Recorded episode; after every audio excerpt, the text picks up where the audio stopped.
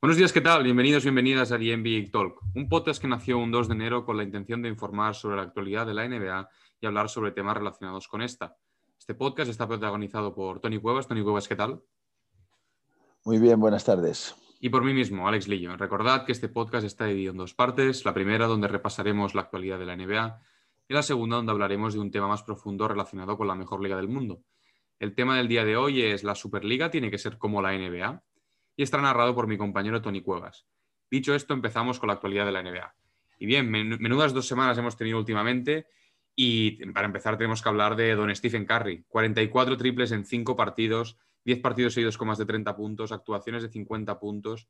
En 5 partidos metió 53, 42, 33, 46 y 49. Superó a Will Chamberlain como máximo de los Warriors. Imparable. Sí, lástima que esto coincida con el peor, los peores Warriors de los últimos años.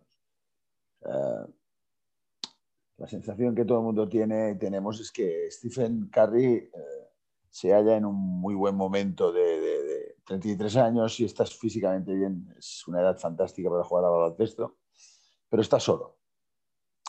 Está prácticamente solo. Y su equipo no pesa lo suficiente como para, soñar con hacer algo importante este año en playoff. Eh, es un problema para los Warriors tener a tu principal estrella en tan buen estado de forma y que esté tan mal acompañada. Ah, pero esta es la realidad y, solo podemos ah, babear con las cifras estratosféricas de este superclase. Sí, sí. Y otra noticia que tuvimos esta pasada semana, bastante curiosa, es que Dwayne Wade, exjugador, una estrella de los Miami Heat, eh, se ha convertido en propietario minoritario de los Utah Jazz. Bueno, una, noticia curiosa, ¿no? Eh, la persona que dirige a Utah Jazz es Ryan Smith, pues Dwayne Wade junto a Smith formará parte del equipo que dirigirá toda la franquicia y bueno, una noticia muy curiosa para un jugador que yo creo que no ha tenido nunca relación con Utah, ¿no? Bueno, el mundo de los negocios es un mundo. Después hablaremos de este tema. esto tendrá relación con lo que hablaremos después en el tema de la NBA, la Superliga de fútbol. El mundo de los negocios hemos de ponernos en la cabeza que tiene que tiene un, un componente muy impersonal, un componente muy poco sentimental y muy, muy solo pensar en, en el rendimiento económico. ¿no? Y eso que dices, Wade no, tiene no, ha tenido nunca una relación importante con Utah, pero esto no es eh, excusa, no es eh, problema para que él sea un accionista, porque el mundo de los negocios, lo importante en el mundo de los negocios no es donde tú has nacido o donde tú eres o, donde tú te gusta, es eh, estar al tanto de las oportunidades y tú en Wade, pues, ha decidido estar eh, en este proyecto y me parece fantástico. Sí, sí, bueno, y de fantástico vamos al, extremo opuesto. Hablamos de los Boston Celtics ahora, que es que Jabari Parker, exjugador de Milwaukee y de Sacramento Kings, ha firmado por estos Boston Celtics, ha debutado ya, pero con malas sensaciones. Boston sigue un poco a la baja, ¿no? Sin, Ivan Fournier no está aportando lo que esperaba, esperaba todo el mundo, viendo su rendimiento en Orlando. Y bueno, no sé, no sé qué más necesitan estos Boston Celtics porque no hacen más que incorporar jugadores que salen, salen la mayoría mal. Y bueno, veremos, ¿no? Bueno, aquí hemos hablado de Boston Celtics ampliamente. Eh, una frase que hemos pronunciado en este programa es que Danny Ainge se ha puesto nervioso ya desde hace tiempo y está dando palos de ciego. Uh, Boston Celtics no le pasa nada. Boston Celtics tiene que tener paciencia con Jason Tatum y Jalen Brown y rodearlos de jugadores de su edad. No parches. Jabari Parker, parche. Um, Evan Fournier, parche. Tristan Thompson, parche. Todo esto son parches. O sea, igual, ya, ya, ya comentamos que el fichaje de Evan Fournier en, Boston era un mal fichaje. Esto está grabado. Menos mal que lo tenemos grabado, porque ya lo dijimos. Al principio era un mal fichaje. No es como el de Aaron Gordon con Denver. Es que es diferente. Bueno, pues uh, la situación de Boston continúa siendo irregular y yo no, yo les diría que no se pusieran nerviosos y que vayan construyendo un equipo sólido alrededor de esos dos jugadores que he nombrado antes, Brown y Tatum, pero que piensen a medio plazo, no diría a largo, pero a medio plazo. Y lo que tiene que rodear a estos jugadores son jugadores de 23, 24, 22, 25, estos. Y ya está, y de aquí dos, tres, cuatro años ser candidato al anillo con mayúsculas. Bien, y nerviosos se pusieron los Brooklyn Nets y nos hemos puesto toda la NBA a ver la retirada de la Marcus Aldridge, recordemos, eh, firmó por los Brooklyn Nets, eran candidatos, lo siguen siendo, pero bueno, era un refuerzo de lujo para estos Brooklyn Nets y anunció su retirada hace un par de semanas debido a unas arritmias cardíacas que lleva teniendo desde el inicio bueno, de su carrera deportiva en la NBA, pero en un partido ante los Milwaukee Bucks se notó el corazón que, bueno, que no le latía como tenía que latir y decidió esa misma noche, bueno, en el hospital, acabar con su carrera de la NBA. Una noticia impactante y que nos demuestra que estos jugadores también son humanos, que no son superestrellas y que a ellos también les tienen problemas de este tipo. Sí, bueno, es un tema serio, el tema del corazón, el tema cardíaco, es un tema que, que no se puede jugar con este tema. Sí, ha sido un jarrón de agua fría para todos, principalmente para él y para los Nets. Pero bueno, esta es la realidad y es triste que la carrera de la Marcus Aldridge acabe así, pero la decisión que ha tomado es la correcta. con esto no se puede jugar. Y Ahora hay que pensar en su salud y, no puede estar compitiendo en, una liga de la exigencia de la NBA en unas condiciones eh, semejantes. Bueno, una mala noticia más. Sí, sí, prepárate porque tengo malas noticias preparadas, pero antes hablaremos de los Golden State Warriors. Hablábamos de Stephen Curry hace unos minutos y es que estarían planeando intentar incorporar a Kawhi Leonard eh, pasada la, temporada 22, es decir, si Kawhi finalmente acepta su player option, cuando acabe esta la temporada 22, pues los Warriors buscarían intentar incorporar al gran alero de Los Ángeles Clippers. Sin duda sería un refuerzo de lujo, suponiendo que Clay Thompson está de vuelta, que Draymond Green sigue y que Stephen Curry sigue. Yo pienso, bueno, pienso no, afirmo que volverían a ser candidatos totales al anillo.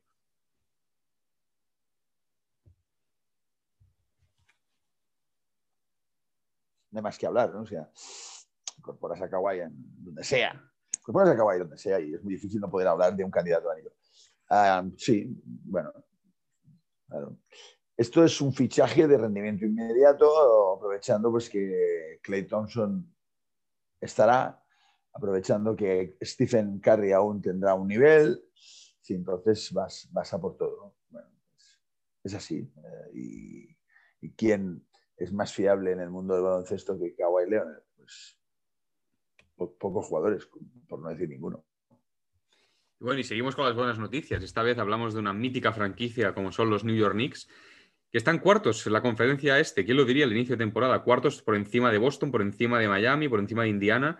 Eh, Julius Randle ha encontrado su lugar en la liga y se ha sentado como un All-Star, nunca me has dicho. Cuatro partidos anotando más de 30 puntos. Llevan ocho victorias. El mismo LeBron lo dijo, cuando los Knicks ganan, la NBA sonríe. Y bueno, yo estoy contento, particularmente una franquicia histórica que esté en puestos de playoff muy arriba. Pienso que no van a pasar de primera ronda como mucho, pero bueno, una buena noticia para unos Knicks que llevan, llevan años sin levantar cabeza. Bueno, en principio es un equipo que huele a regular season y, y no huele a playoff. Por lo tanto, me, apunto a la frase que has dicho de que en principio tiene toda la pinta que a, las primeras de cambio se volverá. Afortunadamente en el mundo del deporte las cosas no son siempre lo que parecen. Ah, bueno, en cualquier caso es una gran temporada.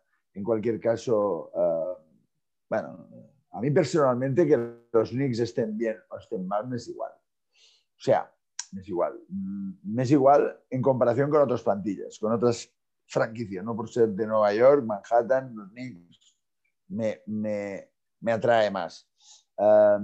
es un buen trabajo que ha hecho Thibodeau, pero Thibodeau es un, es un entrenador para este tipo de plantillas, sin superestrellas, jugadores muy obedientes. Thibodeau no puede entrenar a un equipo como Brooklyn Nets, por ejemplo, o como Los Ángeles Lakers. Entonces, Thibodeau, este equipo a él le va como anillo al dedo. Un equipo obediente, trabajador, que dice sí, señor, a todo. Entonces, bueno, se han conjurado bien los astros. Julius Randle ha cogido su madurez esta temporada.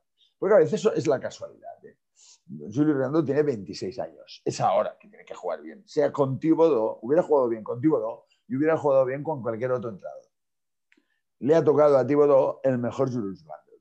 Y en, con la plantilla joven que tiene eh, New York, uh, Julius Randle es el, indiscutible jefe y jugador referencia franquicia del equipo. Tienen equilibrio, mm, en principio huelen a primera ronda, adiós, pero pese a esto muy bien.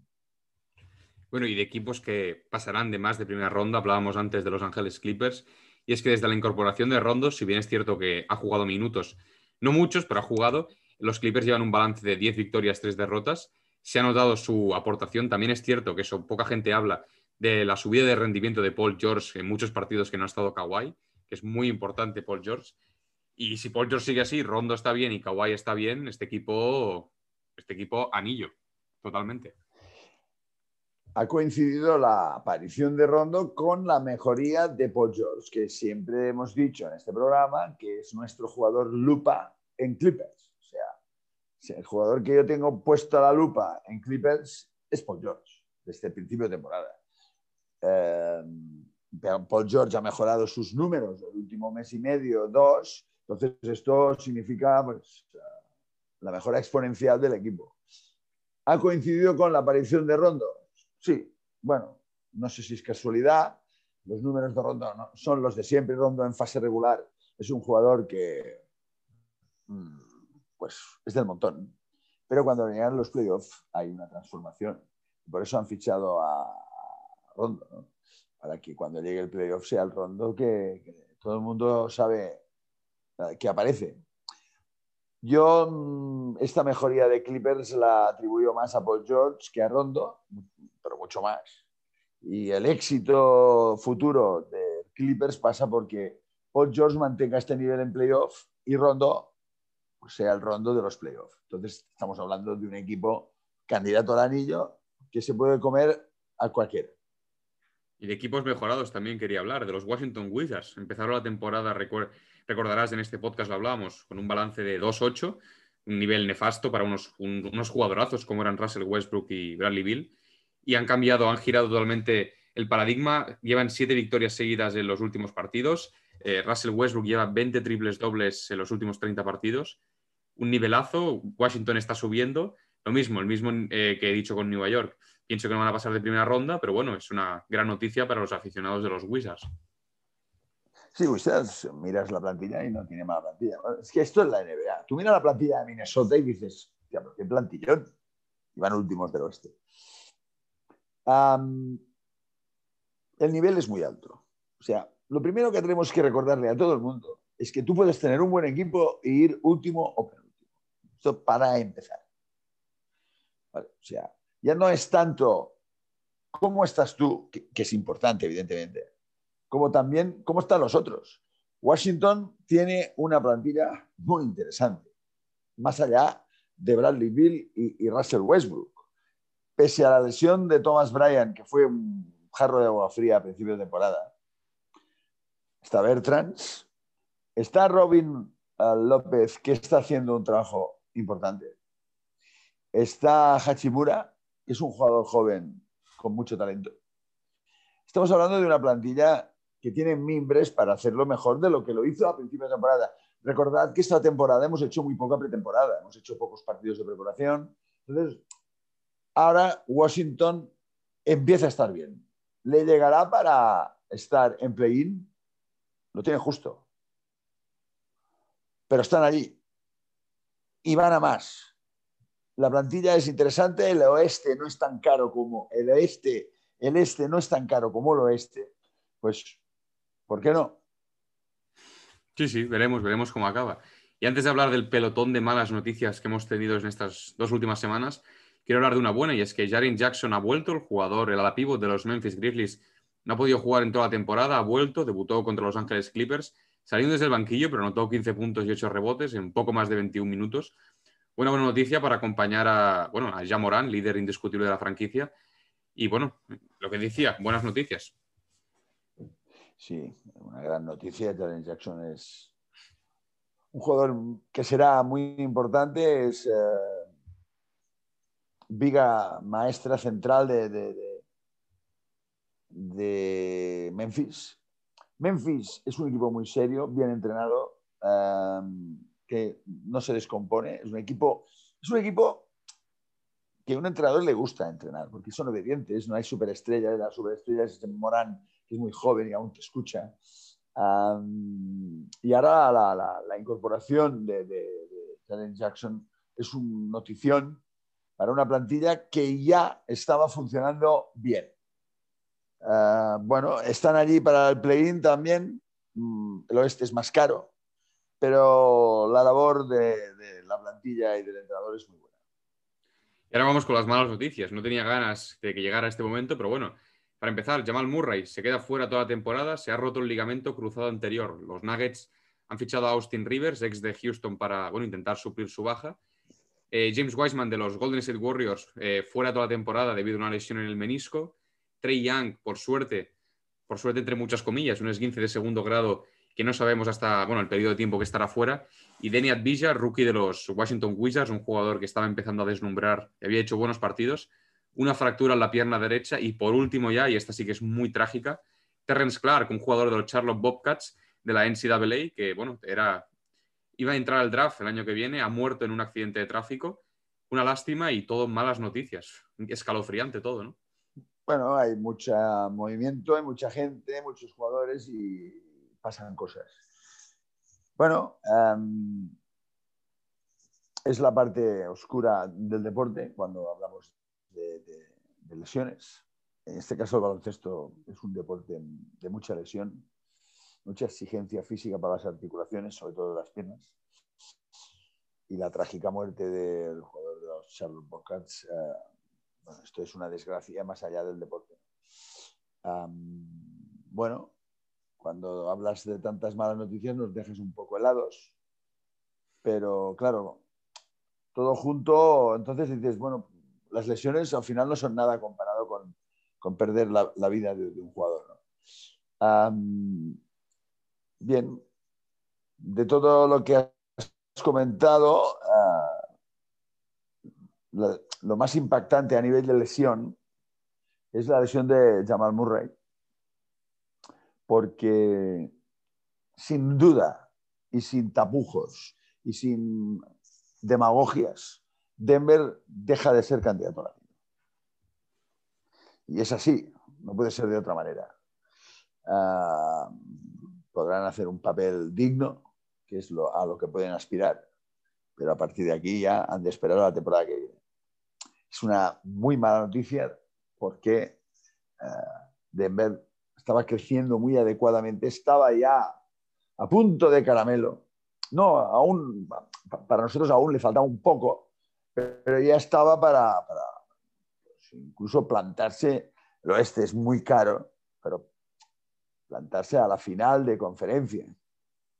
Ahora, la cosa está muy chunga porque los demás no perdonan. Y, y, esta baja es una baja en mayúsculas. Las otras bajas que has hablado son menos importantes, son menos, tienen menos repercusión por ejemplo, Weisman, la repercusión de Weisman es mucho menor. Por ejemplo. La de Young es muy importante porque recordemos que pasa que es, una, la Trey Young es una baja temporal, eh, no va a durar muchos partidos. Es una lástima porque desde la llegada de Macmillan, Atlanta había experimentado una mejoría brutal en el juego. ¿Quién lo hubiera dicho, no? Con lo criticado que ha sido este entrenador en Indiana se hace con las riendas de, Atlanta y, el cambio ha sido brutal, no es que brutal. Eh, esa fama de entrenador ultra defensivo, pues Atlanta ha hecho unos promedios ofensivos brutales, porque tiene mucha, mucho talento. Y ahora esta lesión es un, es un freno, es un freno importante. Vamos a ver cómo la gestiona. Y ahora vamos a hablar, te doy paso para hablar de la Superliga, si tiene que ser como la NBA, sí, no. Cuéntanos. Bueno, hemos querido sacar este tema en un podcast de básquet, porque el mundo del fútbol es un mundo, el mundo del fútbol está eh, sobre todo eh, encuadrado en, Europa, en, todo el mundo, el, fútbol europeo es el mejor fútbol del mundo. Por lo tanto, eh, Europa es un, viejo continente donde, donde hay mucha tradición, mucha historia. Esto es una gran noticia, esto es, bueno, pero a nivel negocio, a nivel empresa, a nivel... Es un, continente que no se puede comparar con Estados Unidos. sí que se puede comparar, pero estamos a años luz de la mentalidad americana en lo que a negocios se refiere.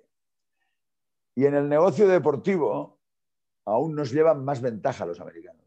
El mundo del fútbol se está planteando aún si crear una superliga de fútbol que podría tener similitudes bastantes con la NBA. De hecho, las tendría que tener. Casi les recomendaría a los que pretendan montar esta superliga que vayan a hablar con Adam Silver y sus muchachos. Porque el mundo del fútbol no tiene otra solución que montar una Superliga, dile el nombre que quieras, con los mejores clubes de Europa.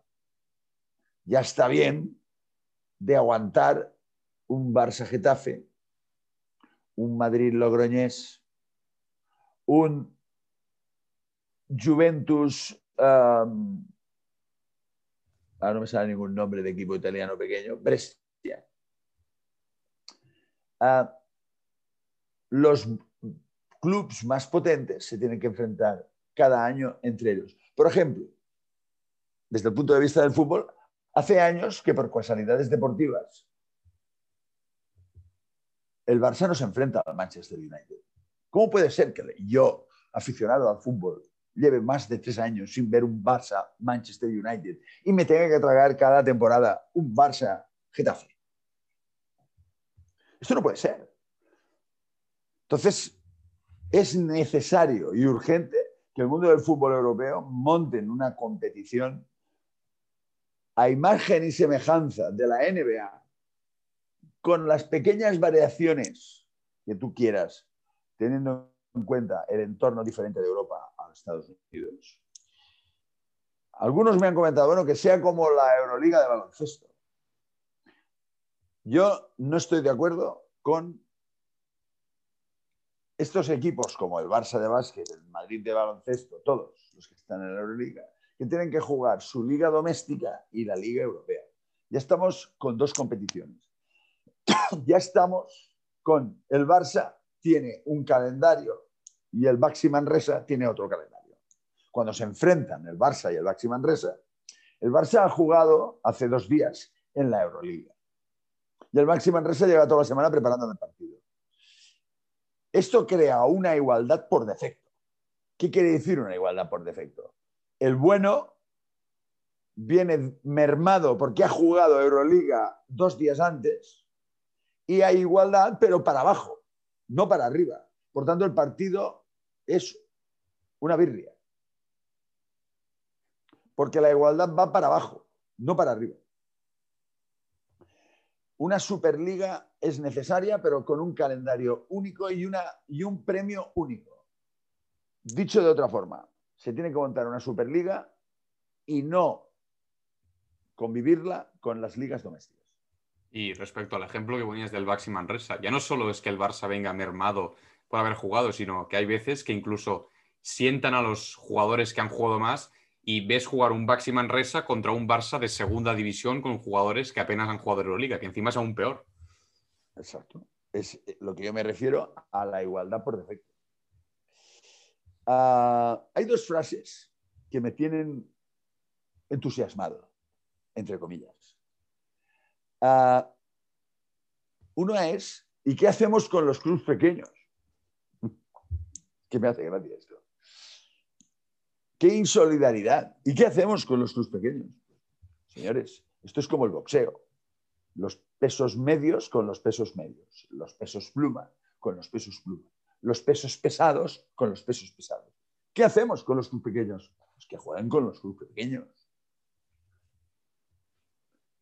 Estoy harto de ver David contra Goliat en el mundo del fútbol.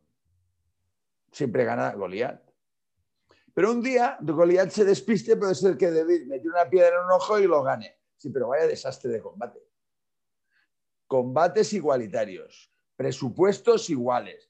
El otro día el Barça jugó contra el Getafe. Presupuesto del Getafe 50, lo que cobra Messi.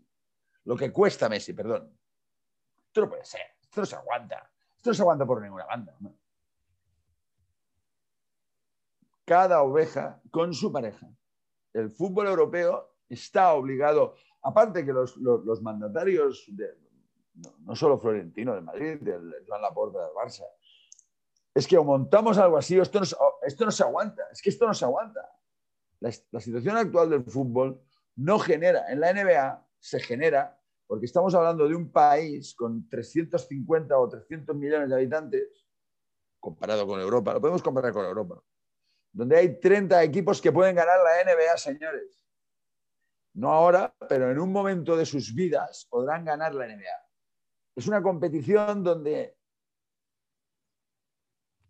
montado para que haya la máxima igualdad posible, donde cuando se empieza a competir, la mayoría dicen que quieren el anillo. En las competiciones de fútbol nuestras estamos acostumbrados a oír a dos que quieren ganar el título, a dos que quieren entrar en la UEFA, a dos y, al resto que no quieren bajar. Es un desastre, no se aguanta. Superliga Europea de Fútbol ya. Dejémonos de chorradas. El fútbol es del pueblo. Otra frase que me ha encantado. El fútbol es del pueblo. ¿Qué tiene que ver esto con la Superliga de Fútbol? Que sea el fútbol, que sea donde sea, no sé, el baloncesto debe ser de la nobleza. El fútbol es del pueblo. El fútbol es de su afición. ¿Qué tiene que ver esto para montar una Superliga Europea o no? Yo no, es que hace tiempo que no veo fútbol, que no se puede aguantar ya más ver a México Messi últimamente solo marca con los equipos malos, que son la mayoría de los rivales del Barça. El Barça durante una temporada se enfrenta con tres rivales buenos. Por cierto, últimamente pierde contra estos tres. Y gana contra los rivales fáciles, que son la mayoría. Partidos insulsos, que no valen para nada. Porque esto es así. referente al tema de ascensos, ascensos y descensos, ¿Cómo premias o cómo harías tú la fórmula para un equipo que, por ejemplo, de segunda ha hecho una temporada magnífica, lo ha ganado todo? ¿Lo premiarías? Y si lo harías, ¿cómo lo harías? Porque si dices que haya Superliga, serían los mismos equipos jugando a la Superliga siempre, como pasa en la NBA, ¿no? Evidentemente. Ascensos y descensos a mí no me interesan. ¿Qué me interesa de una competición? Que todas las organizaciones tengan capacidad de economía y social tengan unas infraestructuras mínimas, un aeropuerto a, menos de 25 minutos, o sea, un estadio de más de 70.000 espectadores, etcétera, etcétera, etcétera. Tú tienes una mala temporada, bueno, ya la harás mejor la próxima. Espabilate. Esto de, a mí, a mí no me interesa que las casualidades deportivas se carguen a mi competición. Esto, no, esto es muy serio. Esto para el básquet formativo es fantástico. Para las Olimpiadas, fantástico. Méritos deportivos, esfuerzo. En el mundo del espectáculo deportivo, lo importante es que todos los contendientes tengan recursos para tener el mejor equipo posible y que el espectáculo sea de alto nivel, por, por exceso, no por defecto. Todos con el mismo calendario, todos con presupuestos similares, todos con capacidad para quedar campeón. Un único título en juego. No eh, la copa no sé cuánto, la copa no sé qué. un único título en juego. En esto estamos hablando a imágenes semejanza de la NBA. Pues que es así, señores. Esta es la fórmula del éxito. ¿Y qué hacemos con los clubes pequeños? Pues jugar con otros clubes pequeños. Los cojos corren juntos en una carrera de cojos. Los ciegos corren juntos en una carrera de ciegos. Los que tienen dos piernas corren juntos en una... Una carrera de 100 metros donde uno es cojo, el otro ciego, el otro manco y uno, me explico, vaya carrera. Con todos mis respetos para los cojos, los mancos, los que tienen dos piernas, pero juntemos a las realidades iguales. Es tan difícil de entender esto. Las mujeres con las mujeres, los hombres con los hombres, pesos pluma, pesos pesados. Esto es así. La Superliga de Fútbol tiene que juntar a los clubes potentes de Europa. No es, no es difícil de entender, es muy fácil. Y para estar en este circo, tienes que tener dinero. Como, como pasa en el mundo, yo no he inventado el mundo, el mundo es así. Porque, y que el señor Guardiola no salga por la tele diciendo que no sé qué, no sé cuántos, que él no ve bien esto, que no hay ascenso. El señor Guardiola cobra más de 10 millones de euros por temporada. O se mete en una liga así o no habrá dinero para pagarlo. ¿Dónde saca el Manchester City dinero para pagar a Guardiola? Pues el Manchester City está, como todos los clubes, así, ahogado porque el, sistema no funciona. Aprovecho para decir que esto va a tardar más de lo que se quisiera, pero acabará pasando, acabará existiendo esta Superliga de fútbol. Porque las cosas al final, el río, por muchas montañas que se encuentre, acaba encontrando el mar. Ponle todos los obstáculos que quieras. Tarde o temprano encuentra el mar. La Liga, Superliga de fútbol existirá. Será más tarde. Bueno, la estupidez humana ha, ralentizado. Pensemos que Galileo Galilei fue a la prisión Vale, hemos mejorado ya. Ahora no, ponemos a la prisión a gente como Galileo Galilei. La estupidez humana retrasa la evolución. Las cosas tienen que evolucionar. El fútbol no es una excepción. Mira que son duros de pelar los del fútbol. Es que la gracia del fútbol, la gracia del fútbol son dos equipazos enfrentándose las máximas veces posible. Esta es la gracia del fútbol. Todo lo demás son chorradas. El follón las reservas que hubo en el fútbol para introducir el VAR. No, es que la polémica, la polémica no es buena para nada. Lo que es bueno en el fútbol y en cualquier actividad humana es la verdad.